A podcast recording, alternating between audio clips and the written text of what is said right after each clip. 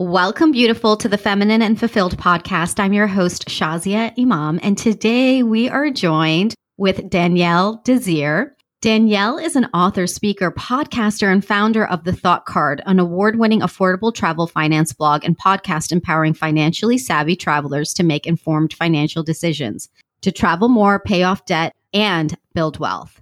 Danielle paid off $63,000 of student loan debt in four years and purchased her first home at the age of 27. She's traveled to 27 countries and four continents and strongly believes in not letting your financial responsibilities hold you back from pursuing your dreams. She's also the founder of WOC Women of Color Podcasters, the first community of its kind dedicated to supporting and amplifying the voices of women of color podcasters. Welcome, Danielle. Thank you so much for having me, Shazia. This is a real treat. Oh, well, I'm so excited because we have met through your community, the WOC podcasters, which has been fantastic to really meet other like minded women in the podcasting space. So tell us a little bit about what started you to create this particular platform.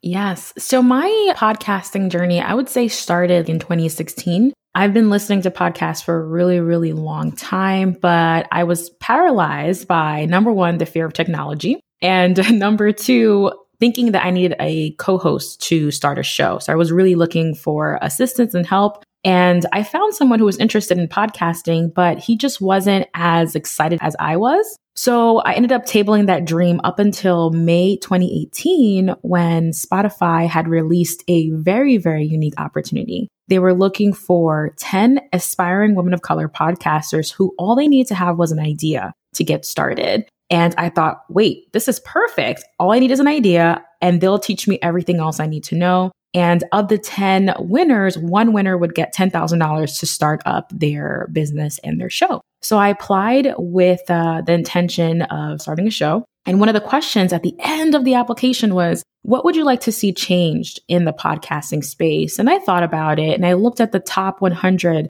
podcasts on Apple Podcasts and I could count on one hand how many women of color or people of color I saw on the top 100 Apple Podcast list. And honestly, I thought that we weren't really out there producing shows. I thought it was just a handful of people of color. And I said in the application that I really wanted to see a community where women of color can come together to learn, connect, share resources. And I left it at that. So I wanted to join that community, not create it for myself. so I didn't see myself as a creator. But, you know, fast forward, Spotify ended up not releasing who the winners were that day that they promised. And I was on Twitter and I just met so many women who were talking about this Spotify sign bootcamp. And I connected with them and I said, you know what? Instead of us just staying on Twitter, let me just quickly create this Facebook group. And shortly after that, Spotify released who the winners were. And we actually didn't even care because we found each other. We knew that we were going to go ahead and create our shows. So that's really how it started in May 2018. Oh my gosh, I had no idea. That what a cool story. It really just started with you connecting with some people. And now, how large is the Facebook group? Yeah, so we're hitting 2,700 women of color podcasters. And I'm super excited about that, that we're growing so much. And a lot of it is through word of mouth. So it's referrals, friends, or community members who are really advocating for new podcasters to come and join the community. As well as I would also say that for me, one of my big goals is to reach the original target demographic that Spotify had captured. So Spotify had 18,000 applications for this opportunity. So I'm always looking at 18,000 as my initial goal. Like I want to capture all those women back in 2018 who had this idea. So that really keeps me motivated. Wow. Okay, so Danielle, I want to shift over to one of the things that really stood out to me when we met is this finance piece, this life that you've created, even with debt and being able to travel and all of those things. I was so curious. I'm like, Danielle, I want to know everything. So let's start with where it all began. Let's hear your story, Danielle. Let's go there. All right. So I would say I grew up in a single family, single parent household, and my mom was very financially savvy. She was very financially conscious. She made sure that she taught me about saving at a really, really young age. I opened up my first retirement account at the age of 15. Um, so I've been investing for a really long time. So I grew up with a really great family background where finance was a priority. Finance was talked about. I remember at a young age, I would open up her bills and her mail and I would say, Mom, I see that you have this bill. There's so many zeros, you know? So she was very transparent in her finances. And that really helped because I, I could see the good times, see the struggles, and learn uh, along the way. In terms of the travel piece, my family is from Haiti. And at a young age, every single summer, I would spend my summers in Haiti with my grandparents. So in Haiti is where I learned how to speak Haitian Creole. I learned how to really absorb the culture, the food, the language. I was there every single summer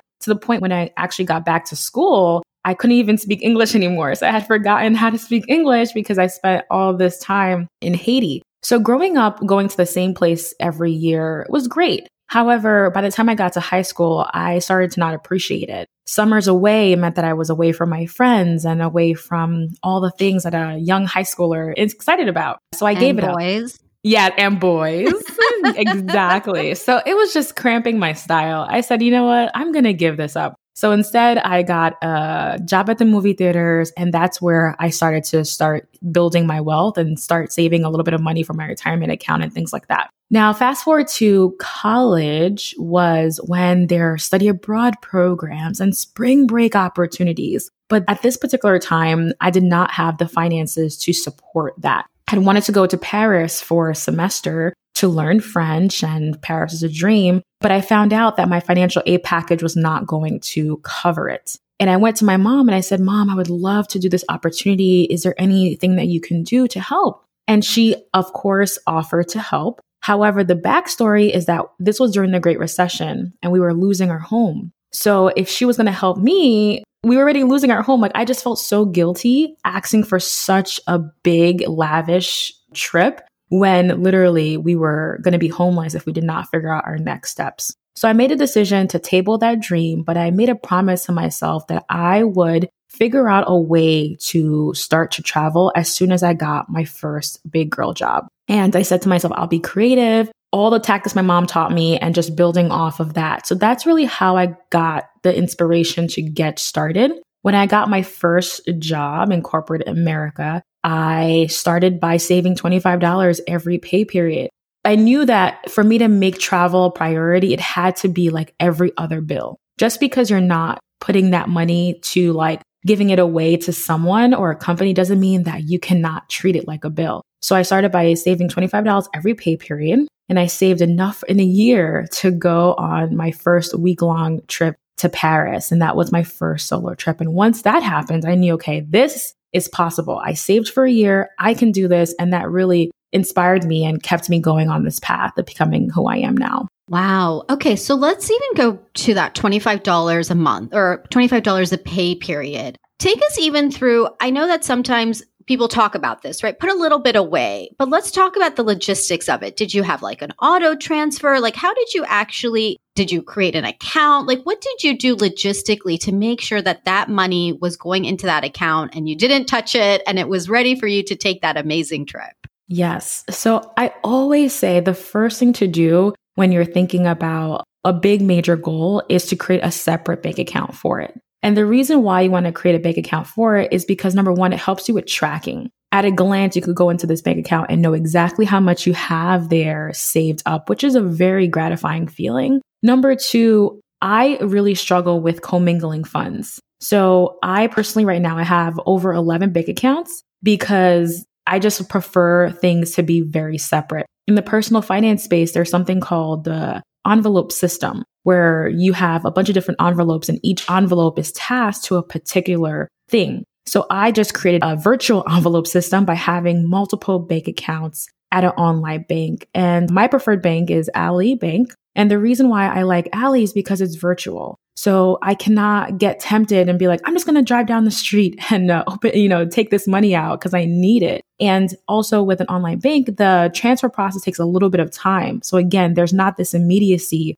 of a local bank. And also online banks give you a little bit of interest. So number one, I would say open up a new bank account and call it something. Call it something related to whatever your goal is. So you could say generic as travel fund, or you can be as specific as Japan 2022 with my family. that really brings it in. It makes it real that this is something that you're finally working towards. The second piece is the saving piece. There are different ways that you can do this. If you're the type of person that you prefer to do it manually, definitely like that's fine. I have a lot of goals that I manually do, I manually save. But for travel, I just automate it from my employer. So I do a direct deposit into that travel fund account. And that's why every pay period, it gets taken automatically. Now, the other question people might have is like, well, why would you do every pay period and not every week? For me, it makes sense that as soon as I get new money in my hands, for it to be assigned to something versus me having money, like this arbitrary transaction happening every week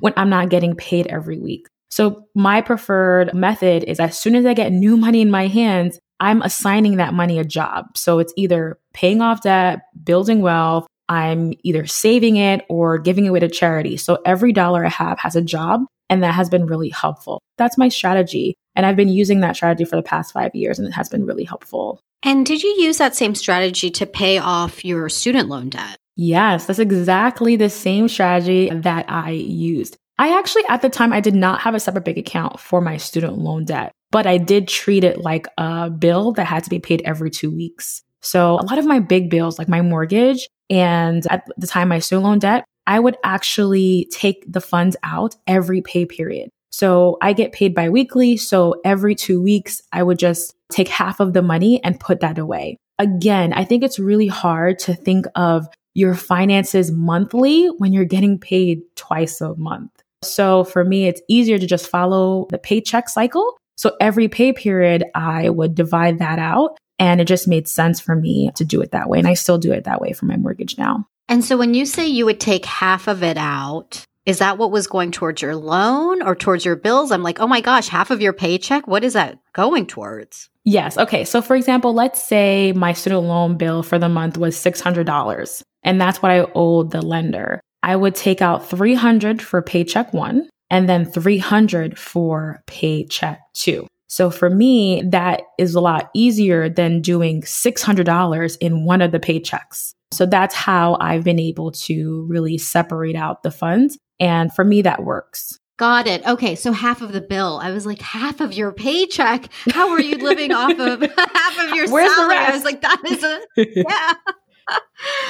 okay. Got it. And so you, of course, must have been paying more than the minimum payment to have paid off your student loan so quickly. Yes, that is the number one thing that I did. And the reason why you need to make more than minimum payment is because oftentimes your minimum payment it only really covers your interest. And when I started my debt repayment journey, what I figured out was how much money I owed in interest per day. And that's super easy. You, in your student loan bill, you're going to see, they're going to tell you your monthly amount of interest that you owe. It's like a dollar amount. Divide that by 30, and that will give you your daily interest amount. So when I did that calculation with the $63,000 student loan debt, I found out that I was owing them $10.10 per day. Per day? Per day. Yes, student loan debt and mortgages, these are per day interests uh, accumulation, which is super important. I think a lot of people, they just go on autopilot when it comes to paying down their debt and they just kind of follow the trajectory of whatever the lender says. And that for me, if you can not do that, that's the best. Avoid that. Instead, figure out how much you owe per day in your interest because you need to pay the interest first before you could ever begin to tap the principal. So let's say we go with the $10 a day interest. So $10 a day times 30 days, that means you owe this lender $300 per interest. Now, if your bill is $300, you're not even touching the principal at all. So that's why the interest calculation is so important because after you figured out how much interest you need to cover, then you need to go above and beyond that. So I would pay, let's say, $15 a day or $20 a day or $30 a day because I know I need to one, pay the interest and then pay off the principal. So just to recap, I would just say figure out how much interest you're paying per day, map that out for the month, and then go ahead and pay above the minimum because most likely the minimum is not going to cover everything or just a little bit. So getting ahead of your debt is really throwing a lot of money at it. And that's how I was able to really reduce my debt from 10 years to four years. Wow, to four years. That's amazing. And then you bought your first home at the age of 27, too. Yes, yes. That was really intentional. One of the things I decided when I was starting off my debt repayment journey was what do I want to do? What do I want to do in life? I work in Midtown Manhattan. So it was really hard to make a decision. Like, do I stay at home, live with my mom, or do I live in New York City and like live the lavish New York City life? At the end of the day, I decided to make the sacrifice to live at home with mom. And that is a lot of how I was able to throw a lot of money at my student loan debt. However, I was very intentional at the time to figure out, okay, even though I'm working on this major goal, which is a long term goal, when I'm done with this phase of my life, I don't want to start over from scratch. I am a multifaceted saver. So I enjoy saving for multiple things at the same time because I personally don't want to start from zero. One of the things I realize about the debt repayment process is that it's draining. It's literally mentally draining. So I knew that I did not want to pay off 63,000 and then start saving for a house. So while I was paying off the debt, I saved little bit by little bit over that course of those four years to have enough for a down payment on a house. And it just worked out seamlessly that once I was done with this first chapter, I could become a homeowner. So those are the things for me. It's really important. But again, I think if you decide to be a multifaceted saver and save for multiple things at the same time, the cons of it is that you're not going to get there as quickly as you would have if you would have focused on one thing. So if I would have paid off my debt solely, I probably could have maybe finished in three and a half years or three years. But because I was also working on other financial goals, it took me a little bit longer. But for me, it's worth it because I don't have to deal with that fatigue of constantly being on a hustle of paying debt and then going to saving for a house. So that was my strategy behind that process. Wow, and I love this term you've used, multifaceted saver, because I think that's actually really important when you're talking about building wealth. Because once you've paid off debt and you're building assets, now we're talking about wealth building essentially. So that's a really powerful way to look at things so that you're not in, you're just slogging away. I think that's why it can seem overwhelming when people are looking to pay off debt because it just feels like this mountain but you created something where you were creating these goals in parallel. And so rather than, like you said, maybe three and a half years to pay off your student loan, it took four, but then you also bought a home. So the payoff sounds much more rewarding than like you're saying to like do it all and pay off the debt. I mean, just the energy around that feels exhausting. Yes. And you know, those wins and every win financially that I accomplish helps to build me up because I was able to pay off my student loan debt. I have the confidence to know that I can pay off my mortgage. So paying off my mortgage is one of my big financial goals. Like that's the biggest financial goal I have right now. However, there are lots of other little things behind it. I personally believe in working on multiple things, taking my time per se, but at the end of the day, like I don't want to start from like zero. It just for me mentally, like again, we talked about being so draining. If I can get a head start, even if it's like a super long term goal, let me get started now and have like $20 saved up a little bit. It's better than starting from zero. So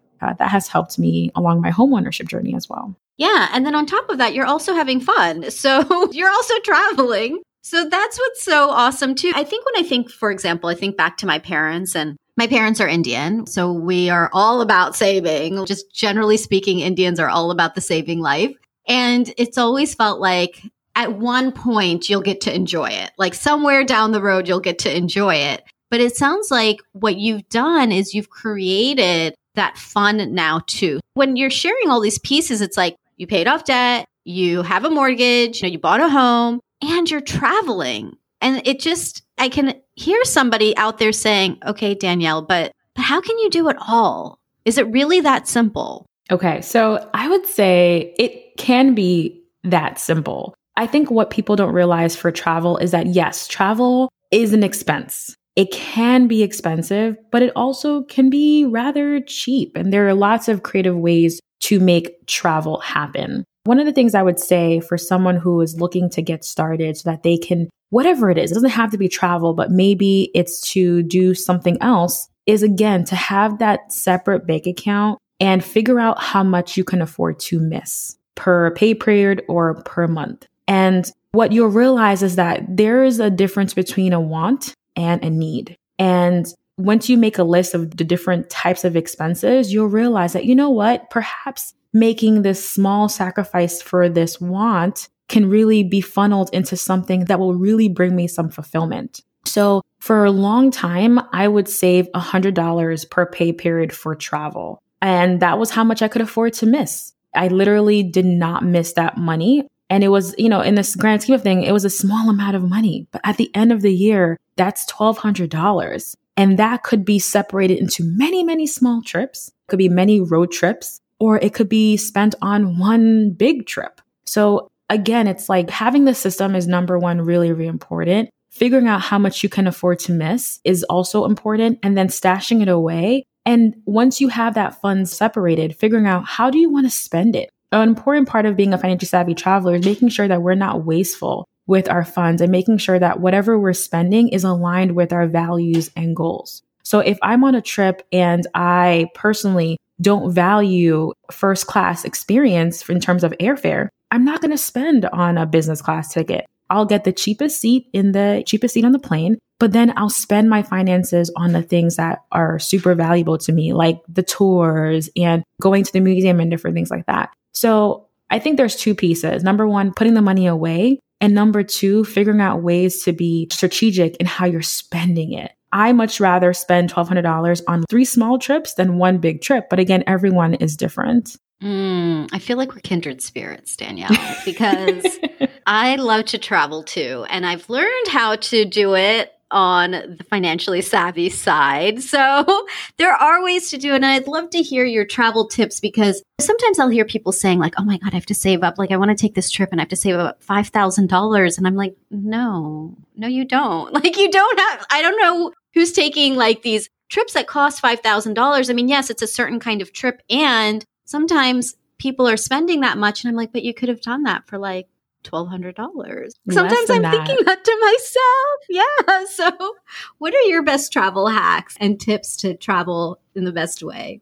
One of my favorite things that I'm super passionate about it is hacking the airfare. And for me, finding a cheap flight is so rewarding because I'm in the same plane with someone who spent way more money than I did. And that just brings me a lot of joy and fulfillment. And it's not that hard as people think. Personally, I don't spend hours and hours looking for flights. But the thing for me is that I really follow the flight deal or I follow whatever deal comes my way. So of course I have a travel wish list, a list of places that I would love to visit one day, but I'm not keen on getting it done right now. So that means I'm very open with the places that I want to or can travel to, which means that makes me a perfect candidate for finding cheap flights. And some of my favorite websites, and these are all free, are secretflying.com. Theflightdeal.com is also another great place, and these sites will email you every single day and they will let you know of all the deals that they found.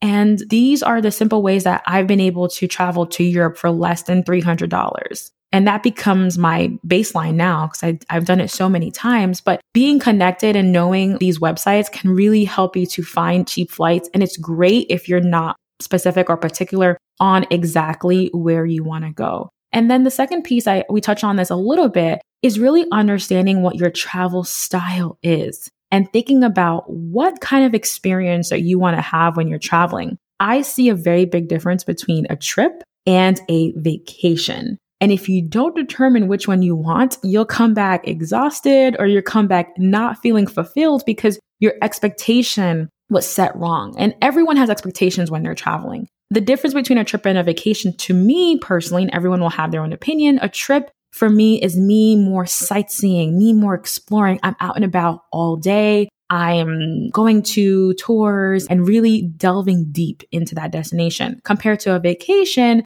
I'm more relaxing and lounging. Maybe I'm by the beach, or maybe I don't really have much planned in my itinerary. So, understanding which one you're going to go with is crucial. Because if you're going to go on a trip and you're not really going to be in a hotel, like you're not going to be in your hotel all day, then you don't necessarily need to stay in a five star hotel. Maybe you can stay in a three star hotel. Maybe you can stay in an Airbnb. Maybe you can stay at a hostel. So determining which one will really help you. Okay, which of these do I really want to focus on? And then you can narrow it down by saying, okay, out of all of the expenses I have, which are the ones that are really, really important to me. Is it the hotel? Is it the flight? Is it the food experiences? And then you start allocating your funds to that. Mm-hmm. I love that because you're really honoring what's important to you. I mean, I've never even thought about it as a trip versus a vacation. You're right. They have completely different energies. Yes. And I, whenever I'm traveling with anyone in my family or my friends, I'm like, which of these are we going to do so that we could all be on the same page? Is it going to be a workcation? Are we really going to be working while we're here? Or is this going to be a more relaxing experience? Or are, are we going to be really active and, and really going to be sightseeing all day? So those are my tips in terms of the pre-planning. Another resource that I really enjoy when I'm planning for a trip or a vacation, whichever one you choose, is to go on Pinterest. Pinterest is a visual search engine, so it gives you lots of ideas uh, visually, like the things that you can do. And a lot of these pins direct you to blogs. And I really enjoy travel blogs because they give you a firsthand experience or firsthand perspective from a traveler, a foreigner, mostly usually is a foreigner who is going to this destination and the things that they enjoyed, which can give you ideas for things for you to do at a destination. That's awesome. So when you arrive, actually, Danielle, this is what I've been like itching to ask you. Is there a trip you've been really, really proud of? You're like, oh my God, I scored the best deal. It was like the most amazing trip ever. I just want to hear that super success story that you're like, oh my God, I can't even believe that that happened. Yes. I feel like there's just so many because, again, I'm always finding these flights and things like that. But the one that hands out to me the most is I went to China, a 10 day trip to China last year. And that blew me away because it was around Black Friday the year prior. And there was this deal that came out. This deal is on travelzoo.com. So that's another resource. People can just sign up for that list. And every single Wednesday, they'll give you like their top 20 deals that they found all over the web. So that's like another tip. But on Travelzoo, I saw this deal to go to China 10 days from New York City for 299. So $299. Oh my God. I said to myself, wait, wait, wait. I called my mom. I'm like, Mom, I found this deal for 299, 10 days to China, including airfare from New York City to Beijing, connecting flights while you're in China, and then they'll bring you back home, four star hotels,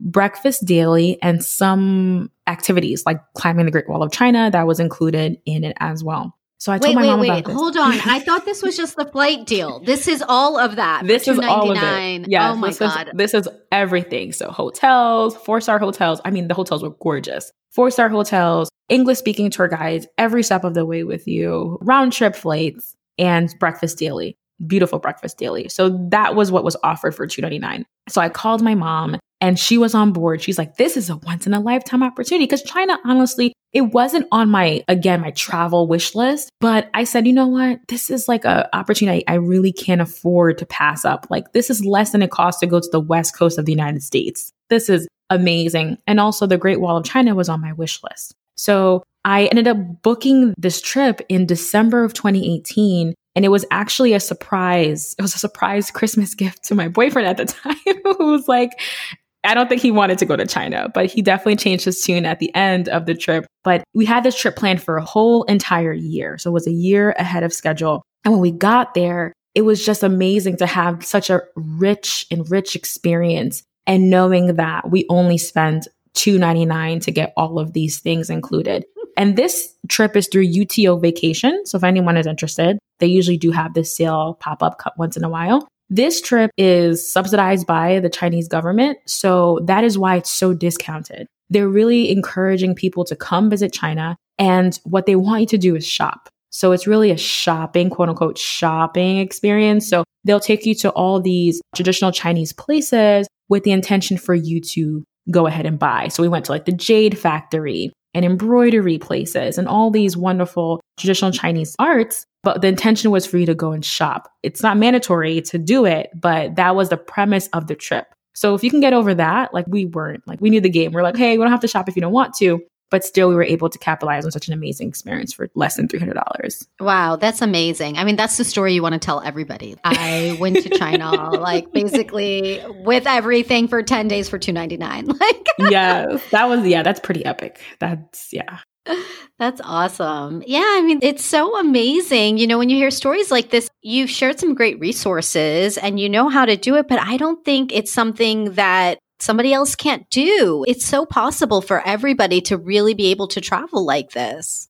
Yes. I think the more interested you are in a particular thing, the more you'll realize that there are resources all around you and opportunities to take advantage of whatever you're interested in. So I got into this because of a necessity, of a need. I needed to find creative ways to make it happen because I was, I had student loan debt and I still wanted to see the world. But the more I did it, the more that I was consumed and really interested in learning and seeing what other people are doing, the more I've been able to grow my knowledge. So it could seem overwhelming in the beginning, but following people who do similar things that you want to do is a great way to get started and get inspired and then pick up some resources along the way. And where are you planning to travel to next? Oh, this year it's so funny because I usually like in my China trip, I had a, this China trip planned a year before. So I'm one of those people. And I think uh, this important part of finding cheap flights is usually six to nine months out. You'll find the best deals. So I'm usually planning that far in advance. And this year, I literally have nothing really planned. And that's different and very unique for me. So I don't know exactly where that I will end up. Hopefully, I will be able to go back to Iceland. I've been to Iceland three times already.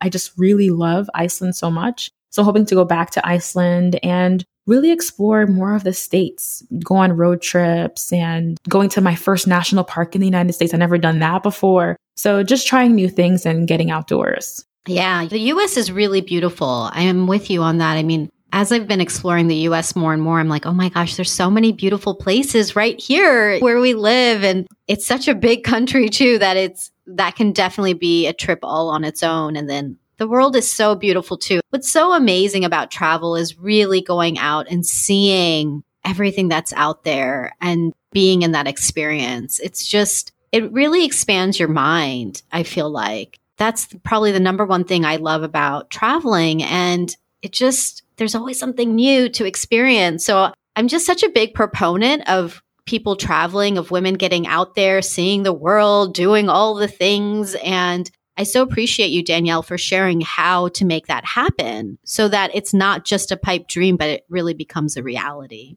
Absolutely. I always say that, like, uh, I'm so grateful for the gift of sight because when you travel, you just see so much. And the people you meet may change your mind. Like, you may have preconceptions about a destination or a place or culture. And then you realize, like, wait, wait, wait, that's so wrong or so off. Or why did I think that? Like, why was I pre programmed to think that way? So it's definitely a very uh, eye opening experience. You learn about other things out there in the world and you learn more about yourself. When I first started solo traveling, I was very insecure, or I felt like people were always looking at me, or I didn't have the confidence to go and eat by myself at a restaurant. So I'd rather just like get something to go. But I've learned so much. I've learned how to take care of myself, how to be confident in my own skin. And these are things that I wouldn't have had so easily or quickly if I hadn't gone out and explored and really ventured off. So you've traveled alone too?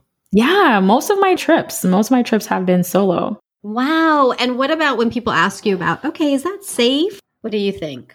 I think it definitely can be safe. If you are thinking about going to any destination, I would do a Google search to see like solo travel in Paris. Is it safe to see what other women have said about it and documented about it? So I would definitely start there. I would say also if you are looking to get started with solo travel, perhaps travel to destinations that speak English so that you don't have that's one less barrier that you have to overcome. One of the things when I was traveling solo to Paris, my first solo trip was I was worried about the language barrier. I'm like, I don't speak French. And I thought that people in France didn't really speak English that well, and that's not true. But um, it would have been easier for me if I would have went to London or if I would have went somewhere else that English is easily spoken. So those are the two things I can think of on top of my head. But I really enjoy traveling solo. I try to wake up early in the morning and go sightseeing as soon as I start to see sunlight out. I try to wake up and then I go and I start my sightseeing day.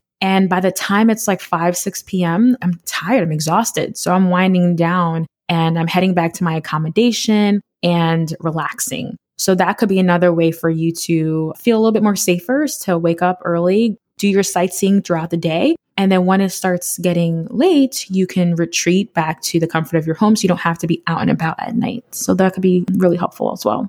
Oh, great. Well, thank you, Danielle, for all of these tips. I hope that the woman listening is like, okay, I'm going to plan my next trip. And she might have some more questions or want to learn more. So, Danielle, how can people find you? Absolutely. So, you can head over to my blog, thoughtcard.com, or my podcast, the Thought Card Podcast, available anywhere you're listening to podcasts. And I have a brand new book. It's called Affording Travel. And this is pretty much all of the money saving strategies that I've used to travel to 27 countries step by step. So if this conversation was really interesting, I think that the book will be really, really helpful. And uh, last but not least, on social media, I am at the Thought Card on Facebook, Instagram, and Twitter. Great. And we will put links to all of those on our show notes at thelifeengineer.com slash podcast slash Danielle, D A N I E L L E, so that you can find Danielle, get her book. Oh my gosh. And travel the world because that's what you get to do. So, thank you, Danielle, for joining us today and sharing all of your travel and financially savvy tips. Thank you again. This was so much fun. Oh, and one last thing before I forget, I wanted to give you a really special gift because how could I not? I actually have a list of my favorite things that make me feel feminine and fulfilled. And I would love for you to have it so that you can grab whatever you want from the list. So if you want to see my list of my favorite things, go to thelifeengineer.com slash favorite. And it is a full list of all of the things that I love and all the links for you to grab them.